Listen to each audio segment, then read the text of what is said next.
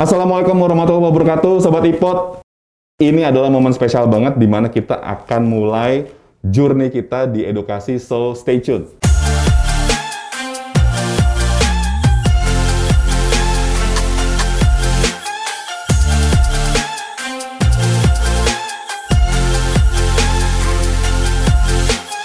Nah, karena ini konten pertama, episode pertama, tentunya kita akan bahas materi-materi yang paling fundamental dengan narasumber yang nggak diragukan lagi. Nah, kali ini gue tentunya nggak akan sendiri. Gue sekarang udah bersama, wah ini salah satu apa ya, panutan pasar modal masa kini banget lah, gitu. Beliau adalah Marco Putra Kawet, Head of Jakarta IDX Representative Office. Hai Sobat Ipot, selamat apa nih? Selamat sekarang pagi ya. Selamat pagi, siang, sore, malam. Jadi, bro, Ya, apa kabar bro? sehat, Udah banget sehat. Alhamdulillah, udah lama kita ketemu nih. Iya, lo terakhir masuk masuk kantor kapan? Terakhir kayak udah sebulan lebih, ya. udah hampir dua bulan ini.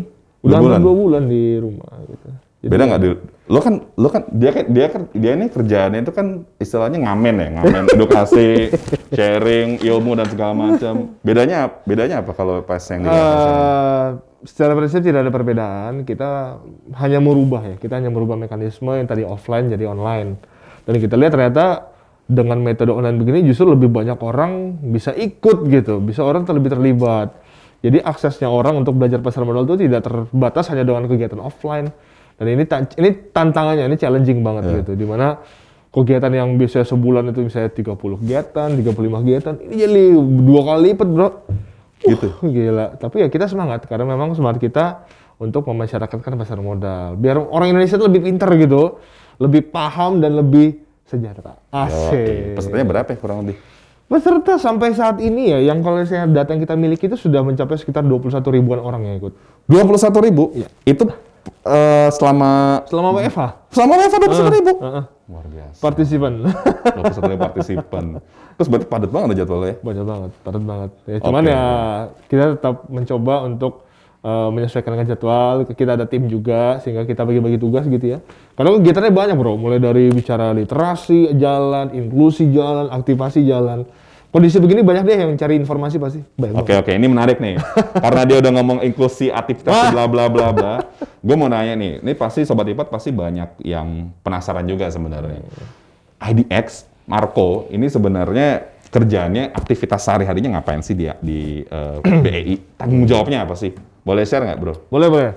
Uh, gua kan berada di namanya divisi pengembangan pasar. Pengembangan Pasar. pasar. pasar itu secara spesifik kita ya memang memberikan edukasi nih. Kita biar orang tahu nih pasar modal itu apa sih. Kita berkaca dari eh, masih sedikitnya investor Indonesia yang menjadi bagian dari ke kepemilikan atau menjadi investor di negara sendiri. Hmm. Penduduk kita 268 juta orang, tapi belum sampai satu persen penduduk kita yang menjadi investor. Itu menjadi tanda tanya besar. Data yang kita miliki terakhir sekitar minggu lalu, jumlah investor kita baru di angka sekitar 1 juta 174 ribu investor saham Satu juta dari 260 Iya. juta. dari 268 juta orang. Berarti kan belum sampai satu persen penduduk kita. Nah ini menjadi menjadi PR kita nih gitu. Bukan menjadi suatu kelemahan, tapi buat kita ini suatu peluang besar karena ya makan kuenya berdikit nih. Mohon maaf nih, makan kue ngomongnya. Ah, oke oke oke. Nggak apa-apa. itu. Nah, jadi apalagi bursa sebagai regulator pasar modal, kita yang memang memiliki eh, apa ya tanggung jawab besar untuk memasyarakatkan ini. Jadi ya itulah yang kami lakukan di, di bursa. Jadi yang lo bikin apalah kegiatan, workshop, edukasi, Betul. event-event gitu ya, itu bisa ngelakuin juga betul, ya. Betul. Oke. Nah, tapi sebelum terlalu apa lebih jauh lagi gitu ya kan bursa kan banyak gitu kerjaannya pasti kan ya sebagai apa tadi lo bilang regulator pelaku pasar eh, tempat pasarnya pasar modalnya bursa gue penasaran sih lo eh, waktu itu masuk bursa Ya, sebelum di bursa tuh lo backgroundnya apa sih sebenarnya gue memiliki background yang sama sekali gak ada kaitannya sama ekonomik. apaan tuh Background gue pariwisata. pariwisata masuk ke bursa efek ceritanya gimana ya Eh, ceritanya gini, justru ya memang tidak lepas dari bagaimana dulu gue kerja di bidang perhotelan. Ah. Gue kerja di hotel dan salah satu klien gue tuh adalah eh, Bursa Efek Indonesia itu sendiri. Heeh. Jadi pada saat itu sekitar tahun 2008 sampai 2010 itu momen di mana eh, Bursa Efek Indonesia tuh sudah mulai melebarkan sayap ke daerah-daerah. Oke. Jadi bikin-bikin roadshow, kegiatan-kegiatan memperkenalkan pasar modal. Yang lo lakuin sekarang. Iya, exactly. Ah. Nah, jadi begitu mereka di sana, dan gue adalah orang dari hotel yang menghandle itu. Oke. Jadi bertemulah dengan beberapa pihak di bursa, dan akhirnya selama bertahun-tahun secara konsekutif, eh, kegiatan itu dilaksanakan di tempat gue bekerja. Nah, Jadi sedikit aja udah tahu nih. Iya. Tapi gue belum ngerti ini pasar modal apa sih gitu. Gue tahu dulu lah BEJ segala macam gue tahu. Tapi gue nggak ngerti banget bagaimana mekanismenya.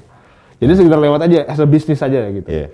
Setelah itu ada kesempatan di mana kebetulan waktu itu gue di Batam. Jadi di sana mau dibuka lah kantor perwakilan yang dulu namanya PIPM.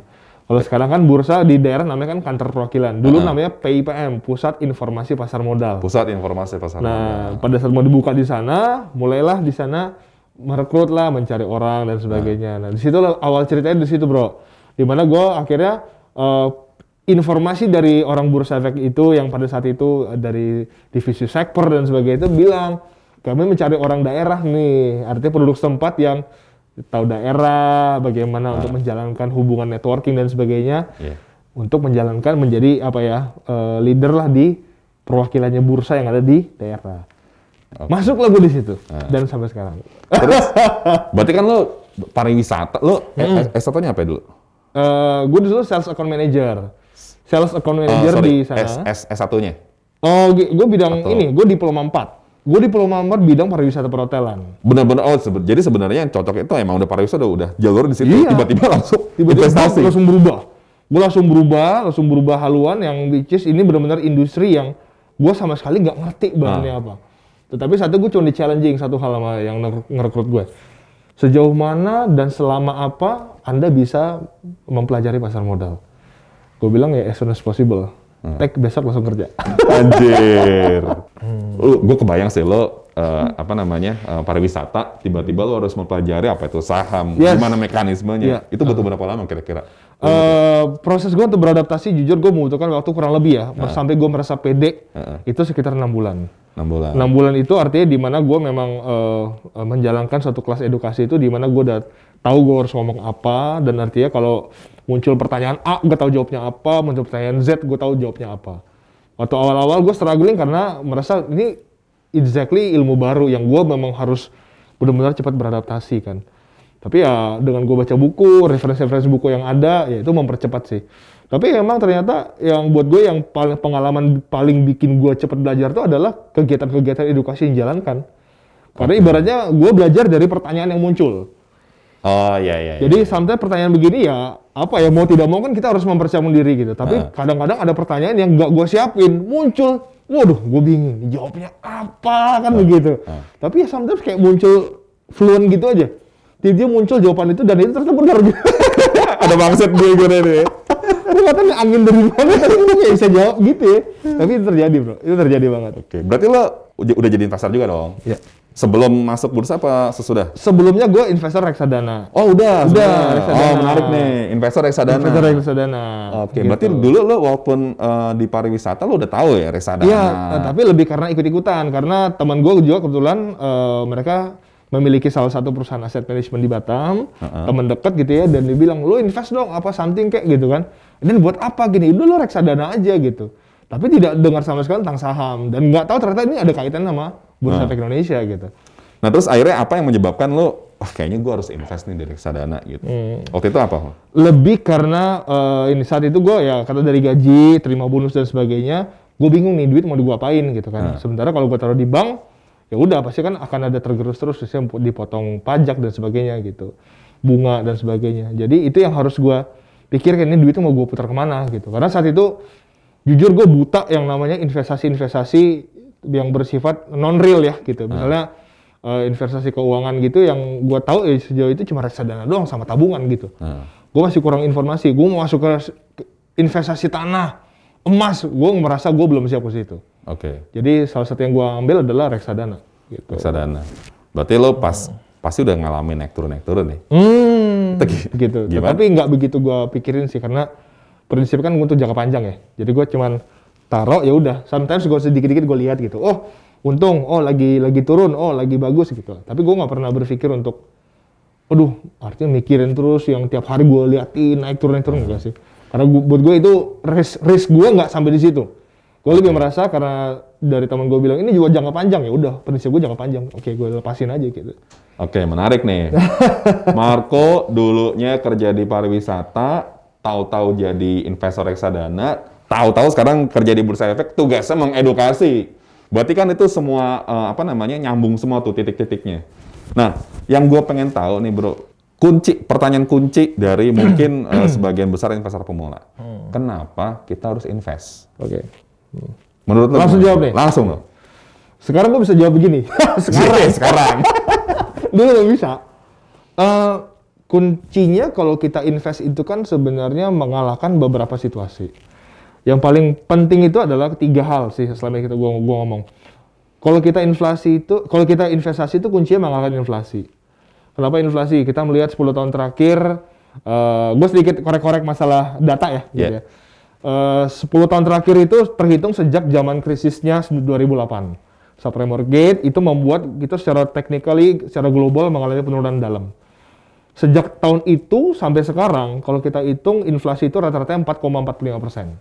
4, 45 persen. Setelah 10 tahun terakhir ya, 2009 tuh 2019. berarti eh, kenaik inflasi kan harga naik ya? Hmm. Harga naik dari 2009 Ya. ke 2019 itu sebesar kurang lebih 4,45. empat setengah Iya. persen. Empat setengah persen. Oke, Nah itu artinya kita harus mencari instrumen investasi yang tentunya bisa mengalahkan angka itu. mengalahkan maksudnya Angka inflasi tadi. maksudnya kenapa harus dikalahin bro? Oh iya, karena kalau kita nggak bisa mengalahkan inflasi, kita tergerus dana kita. Daya beli berkurang dan sebagainya. Tetapi dengan investasi, tentunya orang bisa memiliki nilai surplus yang lebih. Sekarang kalau kita cuma ngadain tabungan, sorry to say, Hmm.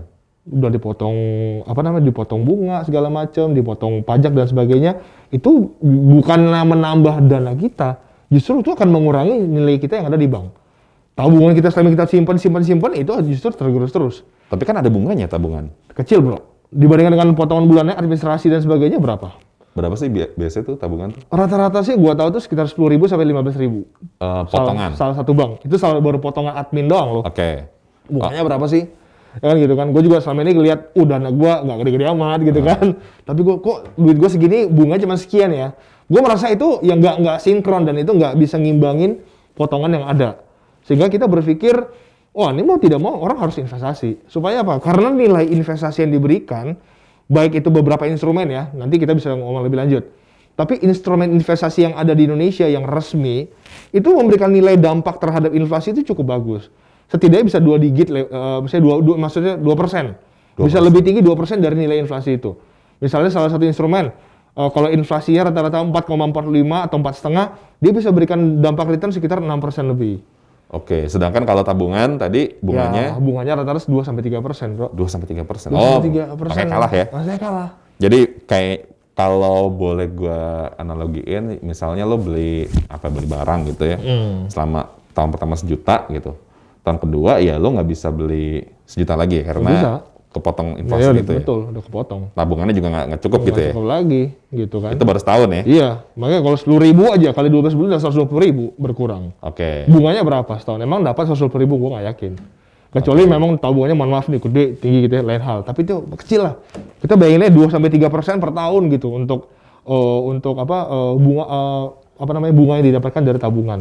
Oke. Ya kan potongan inflasi udah berapa persen. Jadi itu satu buat gue yang memang harus kenapa orang investasi. Kedua, dengan investasi itu membuat kita memiliki aset. Dan aset ini kan eh, menyangkut pada instrumen investasi yang akan dipilih oleh masyarakat. Baik investasi real ataupun investasi misalnya financial instrument gitu.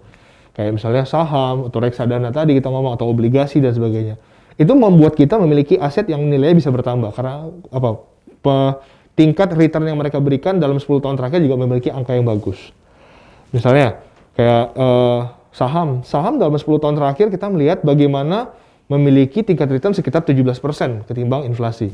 17 persen setahun tuh ya. 17% dalam 10 tahun, Oh, 10, 10 tahun, tahun ya, terakhir. sorry ya. Rata-rata dalam 10 tahun Oke, terakhir tadi gitu. inflasi 4,5 persen, ini kurang lebih 17 persen. 17%. Oh, ya. Obligasi memberikan nilai sekitar 7 sampai 8%. Oke. ya kan? Masih lebih gitu- Lalu juga gede. oh ada deposito dan juga ada emas. Nah, jadi kenapa kita berikan seperti itu? Karena memang orang harus melihat eh, dari instrumen yang ada itu bisa dipilih oleh masyarakat. Kedua itu menambah nilai aset mereka, tetapi yang paling penting bisa mengalahkan inflasi tadi. Yang paling penting buat kita sekarang adalah ini terjadi saat ini, Bro. Oke. Di mana kondisi seperti ini adalah salah satu kondisi yang sebenarnya kalau orang mempersiapkan investasinya, mereka lebih dalam tanda kutip tidak begitu stres, tidak begitu panik dengan kondisi begini karena apa? Mereka masih memiliki pegangan. Mereka masih memiliki dana yang mereka investasikan yang itu bisa dikonversikan sementara menjadi apa dana darurat dan sebagainya. Nah, Oke. ini yang penting. Jadi tiga tuh mengalahkan inflasi, kedua nambahin aset mereka, yang ketiga mengalahkan situasi yang tidak penting, eh, yang tidak apa ya, tidak tidak jelas seperti sekarang. Jadi uncertain condition seperti ini itu kan yang harus kita kalahkan. Nah itu tujuan kenapa kita harus investasi sih buat gue. Oke, oke, menarik, menarik. Kalau menurut pengalaman lo nih, biasa audiens-audiens lo yang belajar pengen, Hmm. pengen belajar investasi gitu ya. Kalau kalau di lo kan berarti lebih ke investasi saham ya, Hmm, hmm. saham. Itu biasa mereka tuh punya aset atau punya instrumen investasi apa aja sih sebelum saham tuh? Nah, ini menarik ya. Jadi kan kalau kita memang melihat beberapa segmen. Jadi ada kelas yang khusus segmennya anak muda, millennials. Ah. Ada segmen yang memang udah usianya 30 tahun ke atas, Bro. Oke. Nah, yang menarik kalau anak muda oke lah ya. Anak muda bisa dikatakan mereka benar-benar exactly the beginners gitu. Mereka baru mau memulai investasi tuh ya taunya apa saham. Karena misalnya di kampusnya mereka belajar itu dan sebagainya. Mereka belum mengenal instrumen lain yang buat mereka itu bukan mereka banget. Jadi kalau kita lihat kenapa salah satunya investor anak muda sekarang lebih mendominasi di Indonesia atau mungkin dalam year to date dari 2020 Januari sampai sekarang jumlah pertumbuhan investor anak muda itu juga melejit banget. Itu karena memang mereka memiliki atau menemukan eh, eh, instrumen investasi yang cocok buat mereka. Artinya gue banget nih gitu kan. Makanya mereka gampang banget mereka untuk masuk saham. Apalagi dengan nilai nominal sekarang untuk buka rekening efek aja di saham murah banget, 100 ribu rupiah udah bisa buka. Tapi kalau kita lihat investor-investor atau peserta yang memiliki kategori usia 30 tahun ke atas, waduh itu beda-beda. Punya instrumennya apa? Tanah berhektar-hektar di kampungnya. Ah, Iya, iya, iya. Punya asetnya sapi atau begitu. Bener. Jadi mereka benar-benar lebih investasi real. Uh, mulai dari properti, tanah, emas, begitu. Jadi bedanya seperti itu, anak muda sama yang lebih usianya lebih 30 tahun ke atas. Itulah yang dasar investasi yang mereka miliki sebelum mengenal saham. Oke, terus eh, investasi yang paling aneh yang lo temuin apa sih dari audiens-audiens itu? Kan tadi tanah, properti, umum lah ya. umum lah ya, banyak ya, emas gitu kan? Uh-uh. Uh, ini justru gue mau bilangnya investasi yang buat gue, Hah? Ini sebenarnya ini orang salah kaprah gitu. Oke, apa Oke. tuh? Ya misalnya investasi bodong. Investasi bodong. bodong. Jona, itu banyak yang terjadi. Jadi saya berapa kali nanya kan gitu, Pak, Bu, investasinya apa? Oh saya ini beli eh, yang itu tuh yang lagi rame di media sosial, yang sekarang lagi rame di mana mereka eh, investasinya dengan dana yang kecil bisa untung yang besar. Saya bingung kan, ini nih investasi kok begini ya? Jadi saya di situ saya melihat bahwa eh, tingkat pemahaman masyarakat kita itu masih masih kurang bagaimana kita itu salah satunya kenapa investor di Indonesia itu masih sedikit adalah salah satunya karena memang nilai literasi kita yang masih tertinggal dengan instrumen-instrumen lain. Kita memiliki data 2013, 2016, 2019 di mana tiga tahun ini setiap kali disurvei tingkat literasi kita adalah tingkat literasi paling kecil dibanding dengan instrumen lain seperti deposito, dana pensiun, insurance dan sebagainya. Tapi ya buat kita ya oh kembali apa sih yang menye- menyebabkan in- eh, apa jebloknya angka seperti ini? Lebih karena memang bagaimana kita memasyarakatkan itu. Nah, dari situlah muncul atau mungkin komitmen bursa untuk memasyarakatkan Indonesia dengan cara apa? Kita membuka kantor-kantor perwakilan sampai sekarang udah 30 kantor perwakilan se Indonesia. 30 30 kantor perwakilan se perwakilan. Indonesia dan itu salah satu komitmen kita untuk memperkenalkan industri ini sampai ke pelosok-pelosok Indonesia. Oke, oke. Dan kita melihat bahwa sekarang dalam eh, pertumbuhan investor kita khususnya dalam 5 6 tahun terakhir itu yang dari masih kecil sekarang udah gede banget. Nah, tapi ya gedenya memang masih di bawah satu persen. Tapi kita melihat pelonjakan setiap tahunnya itu terjadi.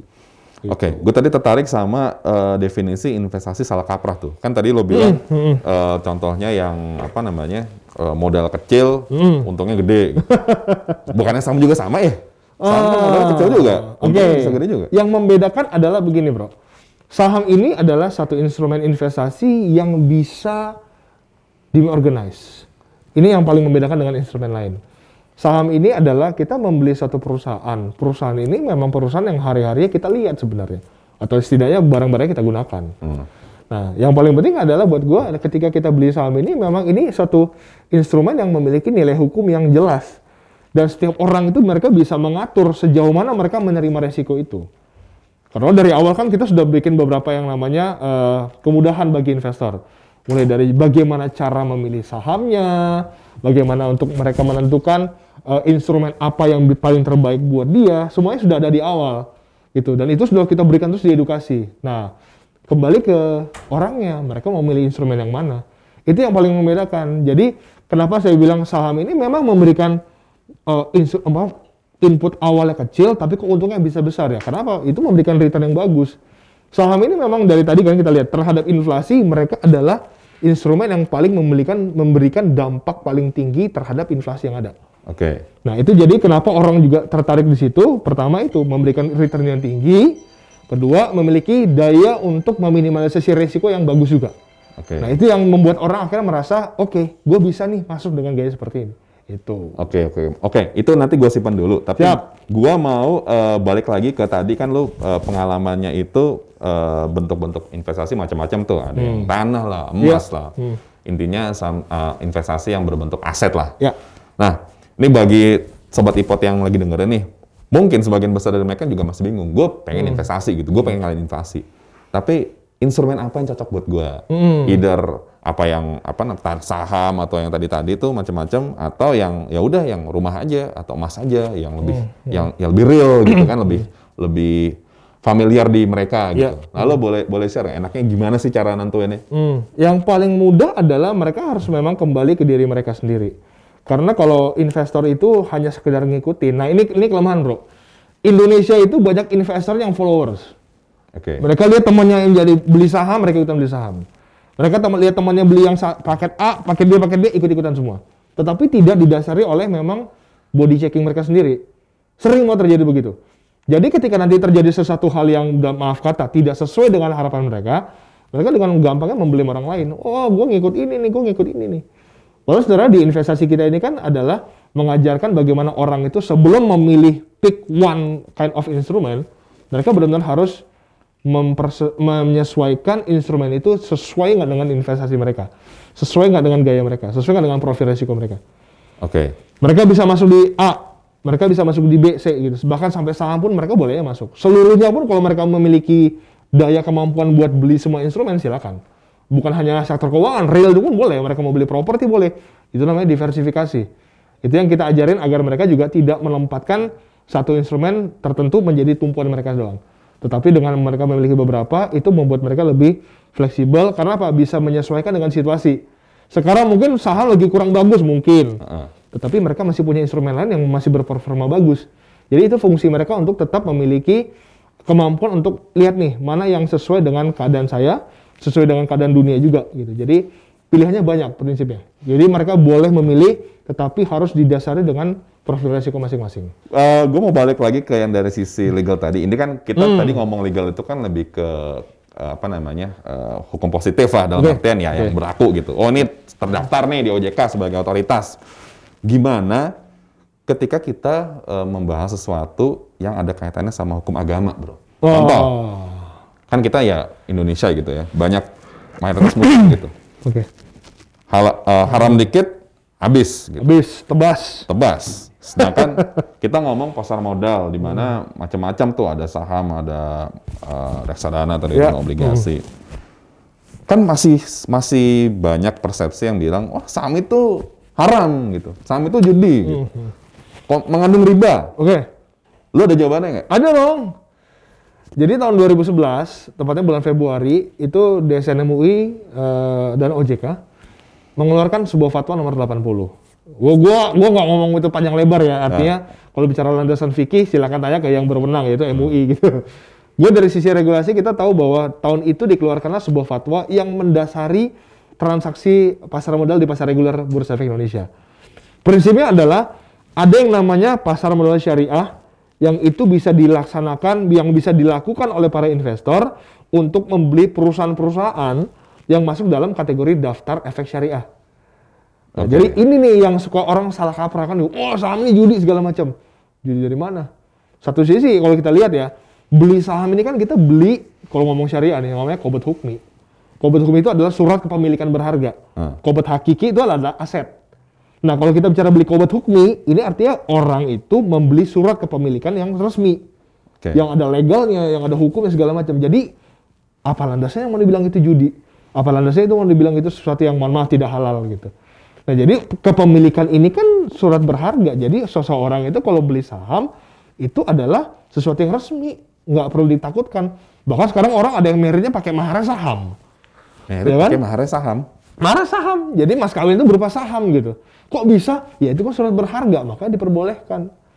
Gitu. Itu salah satunya. Kan menarik kan? Gitu. Jadi jadi gimana? Kan biasa Iya, seper- lu kayak mau merit lah. Ya. buat buat ide buat ide. Udah, ya. Oh. Jadi misalnya kan biasa seperangkat alat sholat kan, Oke. sama emas, Ya. apa 25 gram. Ah, ah. Lah kalau ini seperangkat eh alat Perangkat, sholat sama iya, saya dibilangnya ya, seperangkat saham A, saham B, saham C, senilai berapa lembar seperti itu. Oh. Boleh begitu. Jadi ba- banyak sekarang anak muda menggandrungi gaya-gaya seperti ini. Ada yang misalnya ku kawinkan engkau dengan saham, ku kawinkan engkau dengan reksadana, gitu, ETF dan sebagainya. Jadi itu salah satu instrumen yang sekarang bahkan bisa sudah melebar area ke arah digunakan untuk hal, -hal seperti itu. Prinsipnya ada landasan hukumnya. Gitu. Jadi kita kembali ke bicara pasal syariah. Orang kalau beli saham, beli perusahaan di Bursa Efek Indonesia, ya kalau mereka in benar-benar meng- menganut prinsip syariah, ya silakan pilih dari konstituen saham-saham yang masuk dalam kategori daftar efek syariah. Nah, daftar efek syariah ini kan setiap tahun itu kan dua kali divaluasi. DSN MUI dan OJK setiap tahun tuh memvaluasi lagi bener nggak nih perusahaan masih sesuai core-nya atau tidak. Karena ada ada beberapa parameter, Bro. Oke. Parameter boleh boleh ngomong ya? Boleh, boleh. Pertama, ini perusahaan ya, Pak. Dilihat dari core dulu nih. Ini saringan pertama nih. Core-nya nih, dia produksinya apa sih?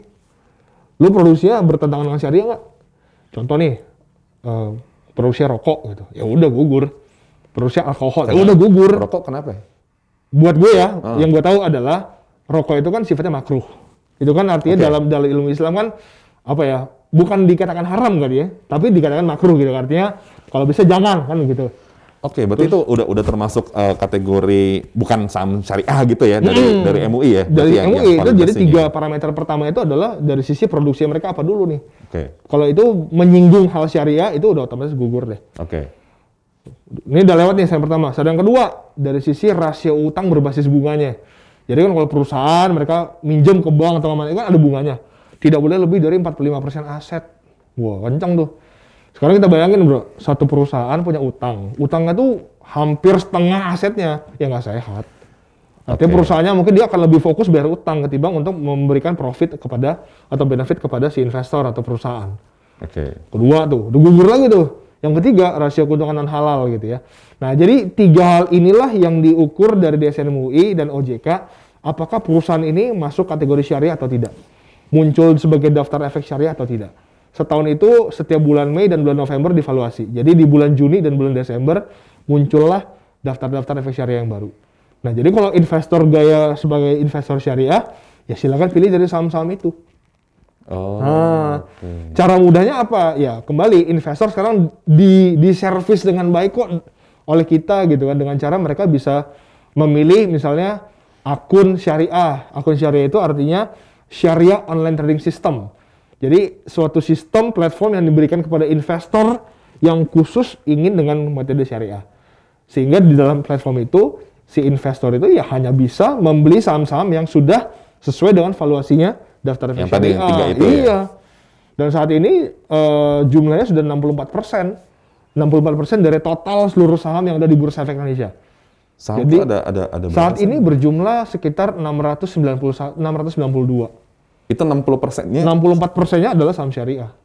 Oh gitu. Jadi bisa dibilang kan itu bagaimana prospek suatu saham syariah yang ada di bursa.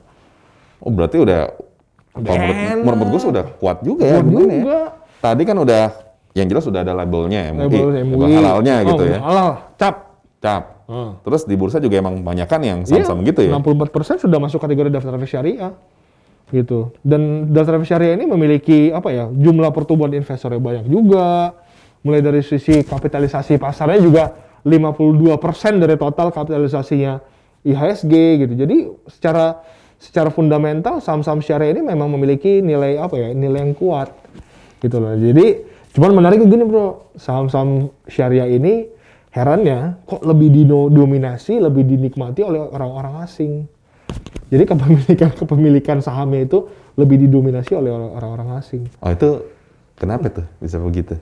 Buat orang asing mereka lebih melihat bahwa sisi fundamental suatu perusahaan syariah lebih sehat. Jadi Oke. kalau perusahaan itu lebih sehat, kenapa? Misalnya dia akan lebih bisa memberikan profit karena utangnya kecil. Jadi orang asing tidak melihat dari sisi, oh ini saham-saham Islam gitu, enggak, enggak lihat dari situ. Mereka lebih lihat bagaimana suatu perusahaan ini bisa memberikan dampak positif bagi mereka. Loh, tapi dengan logika yang sama, harusnya investor lokal juga mi- mikir yang sama dong. Harusnya, Cuma- harusnya. Tetapi karena kembali, ya kembali, porsi kita kan masih lebih kecil daripada orang asing. Eh, Sekarang posisinya 51% orang asing, sisanya 49% orang domestik gitu ya. Tetapi ya kembali, orang-orang Indonesia ini memang kalau kita lihat dari sisi aktivitas trading, aktivitas transaksi, memang mereka lebih gayanya untuk transaksi harian. Beda sama investor asing yang lebih sukanya long term investment. Nah ini perbedaan yang mencolok bro.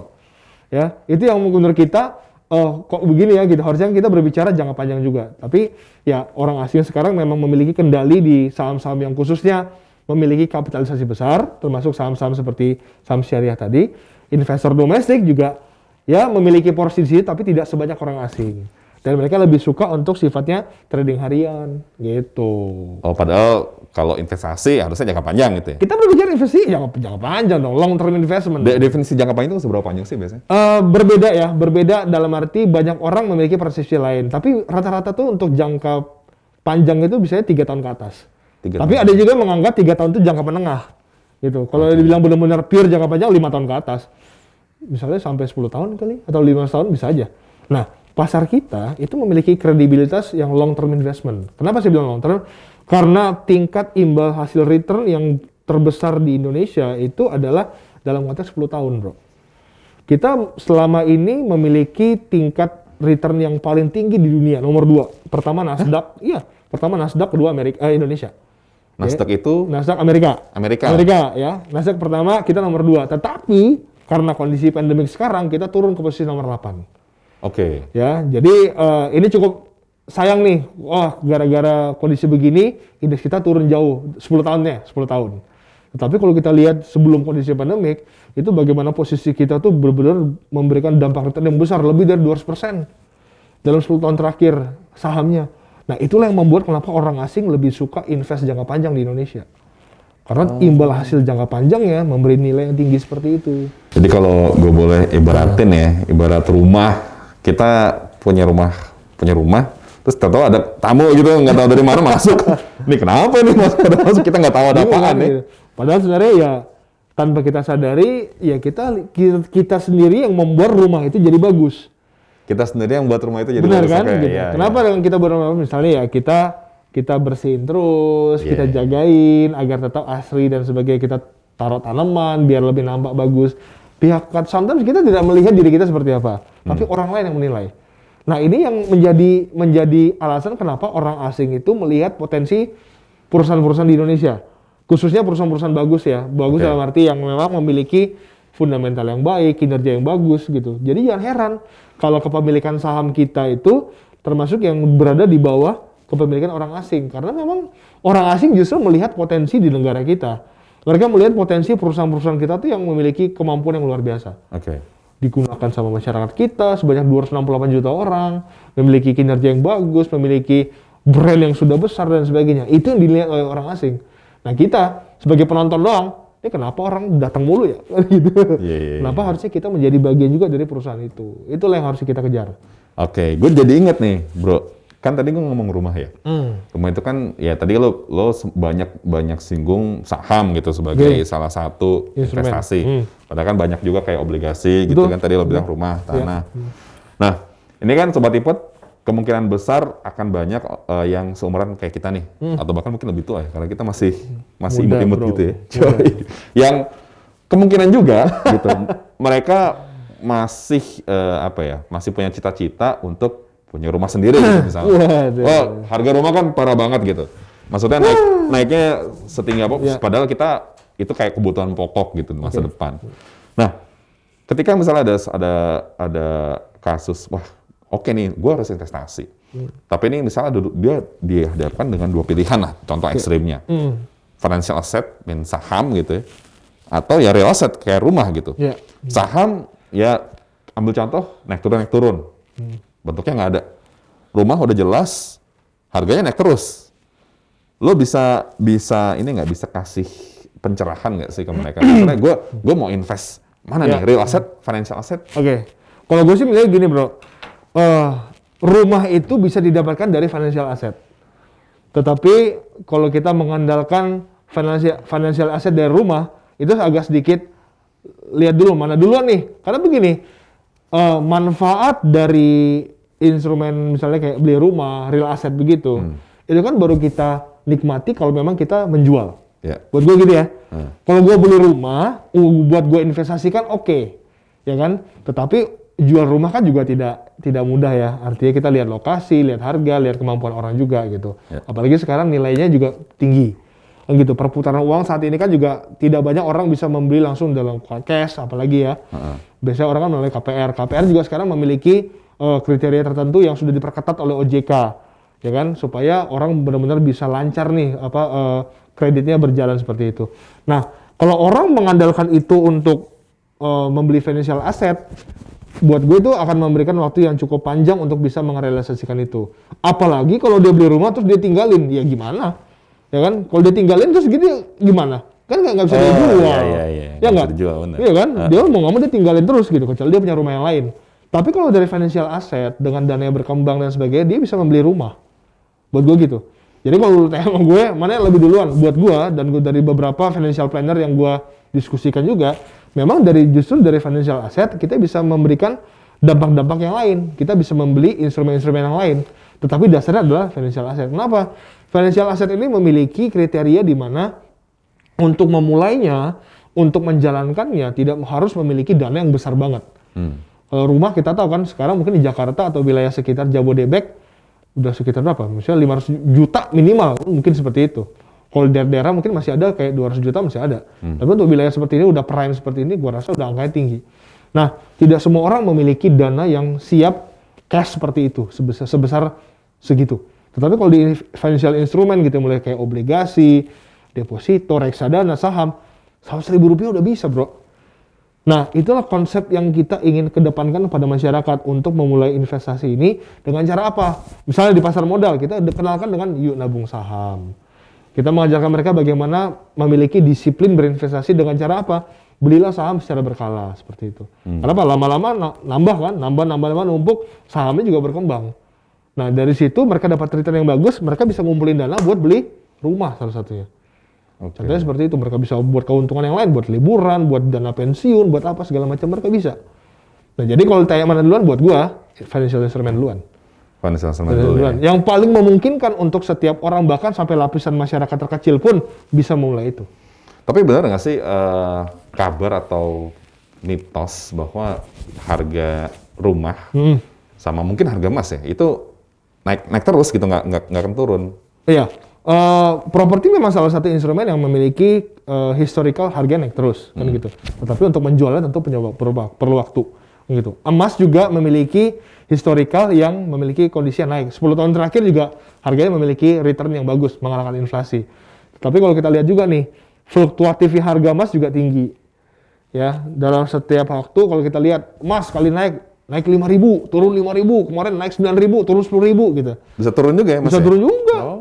Ya kan, artinya dalam perdagangan setiap hari itu bisa mengalami penurunan. Siap nggak seorang investor itu untuk menerima situasi itu? Kita di saham aja turun berapa ratus perak udah panik, apalagi turunnya ribuan. Iya iya iya. Ya kan gitu. Bukannya nggak boleh, boleh. Itu makanya kita bilang diversifikasi tetap boleh. Tapi kembali, seseorang kalau memilih instrumen investasi, sesuai nggak? Dia harus kenal dulu nih. Kalau dia misalnya memilih eh, saham A, atau dia memilih instrumen emas, dia memilih deposito, dia memilih obligasi, dia harus tahu benar bagaimana tata cara eh, perdagangan yang terjadi, bagaimana aturan main yang terjadi. Supaya ketika terjadi sesuatu hal, dia nggak bingung biasa biasanya investasi saham yang dalam satu hari naik turunnya misalnya ser- eh, 100 perak, 200 perak gitu ya. Tiba-tiba misalnya dia beli di emas gitu, wah naik turunnya satu hari 9000 perak gitu. Bisa kelinger dia. Iya. Oke ini Gitu. ini bisa dibilang eh, pertanyaan yang basic tapi masih masih banyak yang tanyain. Hmm. kapan sih gue harus mulai gitu. Misalnya sobat ipot, oke lah, gue gue udah tahu gue mau invest uh, di mana di saham apa di obligasi atau di reksadana. Tapi kapan gue harus mulai gitu? Oke. Eh, setiap orang gua rasa memiliki strategi berbeda, Bro. Ada yang merasa situasi seperti ini adalah saatnya untuk masuk. Situasi seperti ini itu, Adalah situasi di mana terjadinya penurunan secara global. oke, Pasar kita mengalami tekanan yang dalam sehingga harga-harga sudah begitu murah. Buat mereka ini adalah momen yang tepat buat mereka masuk. Tapi kalau kita bicara secara jangka panjang, kapan pun kita masuk adalah saat yang tepat. Karena prinsipnya ya kembali, kita kalau mau tarik ulur ke belakang, zaman dulu ada yang selama ini menjadi ikon di bicara pasar modal. Seorang itulah Warren Buffett yang ada di Amerika sana gitu ya. Kalau ditanya kapan dia mulai investasi 11 tahun. Tapi kan sekarang gua udah 30 tahun, gua udah 35 tahun, gua udah 40 tahun. Masa gua balik lagi 11 tahun? Terlambat dong. Nggak ada kata terlambat. Kapan pun dia mau mulai investasi, dia bisa lakukan itu. Selama investasi yang dia ambil itu tepat, dan dia memang bisa menerapkan strategi dengan tepat. Jadi kalau bu- buat anak muda, ya kita bilang tepat. Kenapa? Mumpung masih muda, mereka membiasakan diri. Jadi eh, scratching the behavior, membuat mereka terbiasa dengan gaya berinvestasi. Karena ya kembali kebiasaan itu justru bisa membuat kita menikmati kesejahteraan. Nah, kalau orangnya sudah, mohon maaf nih, sudah senior gitu ya, apakah tepat untuk tetap masuk ke saham? Kembali, masuk instrumen saham itu tetap adalah investasi yang bisa dikategorikan nih sesuai dengan kebutuhan usianya. Buat saham-saham tertentu, misalnya nih, gue udah 40 tahun, masa gue masuk saham sih, kayak gue nggak kuat di jantung gue. Tenang, di pasar modal itu ada saham-saham yang memang untuk usia-usia seperti itu, gitu usia-usia. usia-usia yang lebih senior gitu, yang jantungnya ada mohon maaf nih gitu, mungkin Jadi- udah, lebih dakduk dakduk gitu loh. Jadi bisa dengan saham yang relatif nggak fluktuatif gitu ya. tidak berfluktuatif, tapi memang untuk jangka panjang. Karena perbedaannya adalah anak muda yang kategori misalnya 18 tahun sampai 25 tahun, 30 tahun, millennials deh. Mereka lebih siap untuk menerima resiko seperti itu, Bro. Siap menerima porsi fluktuatif yang terjadi di pasar. Tapi berbeda dengan yang 40 tahun ke atas. Kita punya datanya itu. Jadi kriteria investor-investor yang usia sekian tuh sahamnya seperti apa sih? Usia sekian seperti apa sih? Jadi kelihatan polanya gitu. Jadi ini yang terjadi. Jadi nggak ada kata terlambat. Kapan pun momen yang tepat adalah saatnya untuk masuk ke dalam investasi. Gitu. Oke. Pertanyaan terakhir, Bro. Hah? Terakhir? Pertanyaan terakhir, Bro. Oh, mau lah. Mau terus. ya oke, mungkin eh, ini eh, apa namanya eh, salah satu pertanyaan yang sering ditanya juga sih. Maksudnya ada nggak sih syarat-syarat keuangan gitu? Maksudnya eh, oke gue mulai investasi kapan ya? Sekarang saat yang tepat Oke. atau ya daripada lo telat lagi. Tapi kalau dari sisi dana gitu, dari sisi keuangan, ada nggak sih syarat-syaratnya juga? Ya.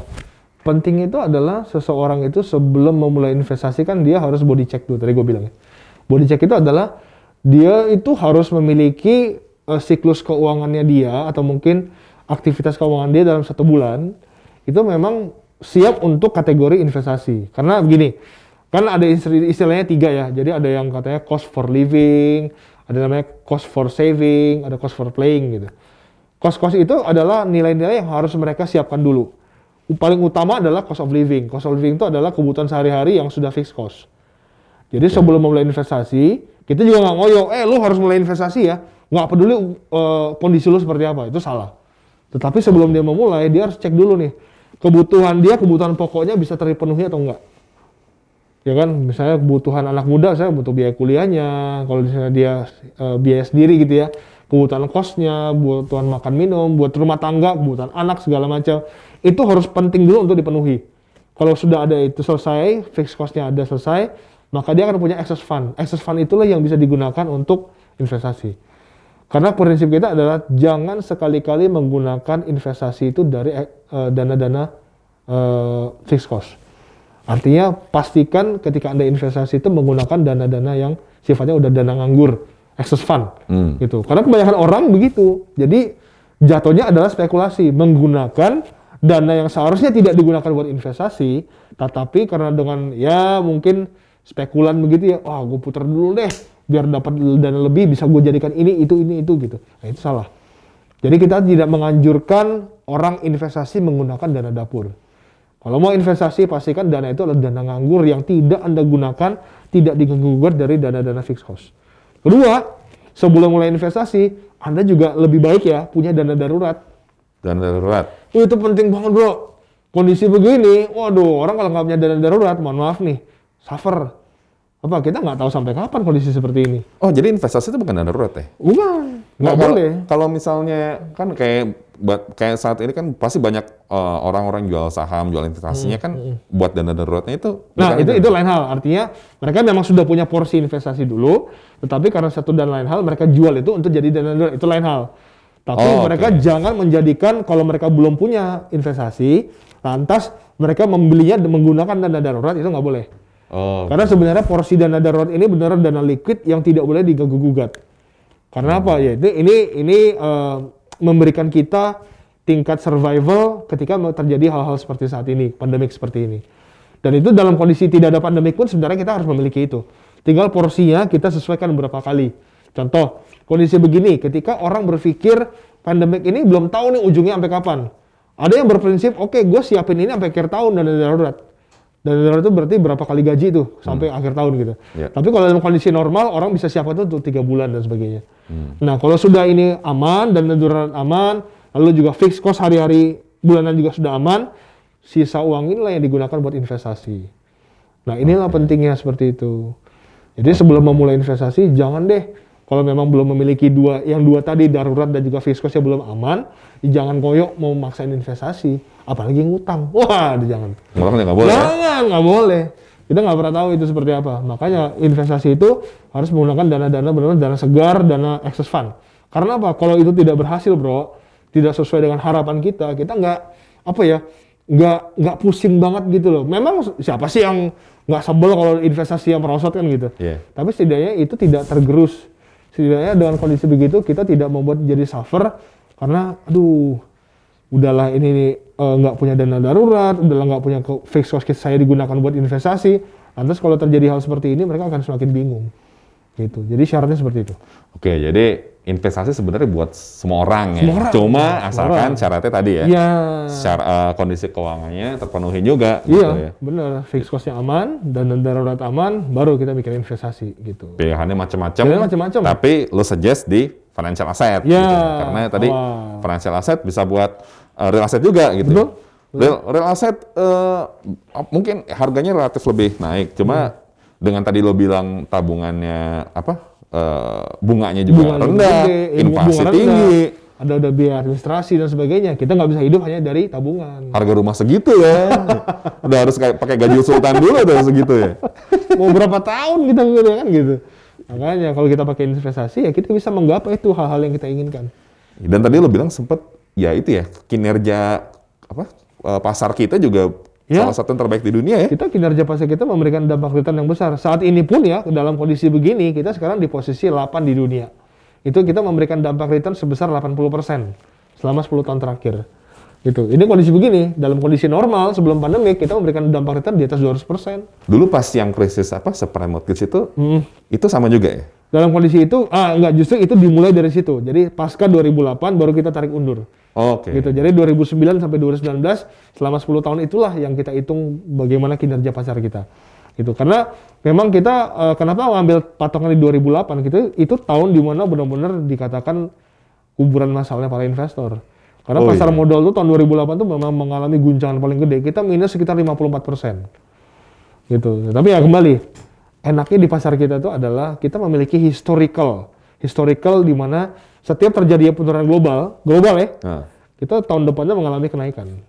2008 kita minus 54, tahun depannya naik 87 persen. buset, 87. Iya. 2010-nya naik 47 persen. 2013 itu apa ya endingnya krisis Yunani lah ceritanya. Ah. Yunani kan dari 2012 udah krisis ya. Ya. 2013-nya mereka bail apa gagal bayar akhirnya krisis dunia melanda tapi Indonesia kena sekitar 1,2 persen atau kayaknya nggak sampai satu persen deh. Tahun depannya kita naik 12 persen. 2015 kena krisis juga kita minusnya 12 persen. Tahun depannya kita naiknya lebih lebih 22 persen. 2018 cikal bakalnya Amerika Tiongkok tahun depannya kita naik lagi. Jadi tahun-tahun seperti ini nih bukan apalagi karena faktor global itu memberikan sentimen orang bahwa pasar Indonesia ketika terjadi kenaikan glo- apa penurunan secara global itu momentum mereka untuk masuk. Kenapa Mer- merasa karena historical yang berjalan tahun setelah itu memiliki tren yang meningkat dan itu memunculkan orang-orang kaya baru. OKB. itu OKB. persepsinya OKB.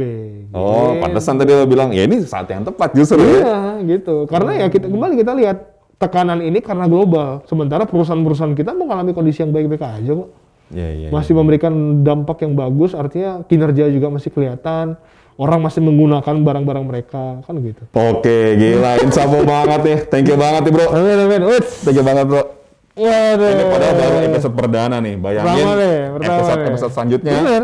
pasti akan jauh lebih insightful. Jadi sobat-sobat iPod, stay tune di Spot iPod. Tetap belajar karena investasi butuh belajar ya nggak? Betul, betul banget. Betul So, banget. happy learning. happy investing. Yeay. Assalamualaikum warahmatullahi wabarakatuh. Sampai jumpa.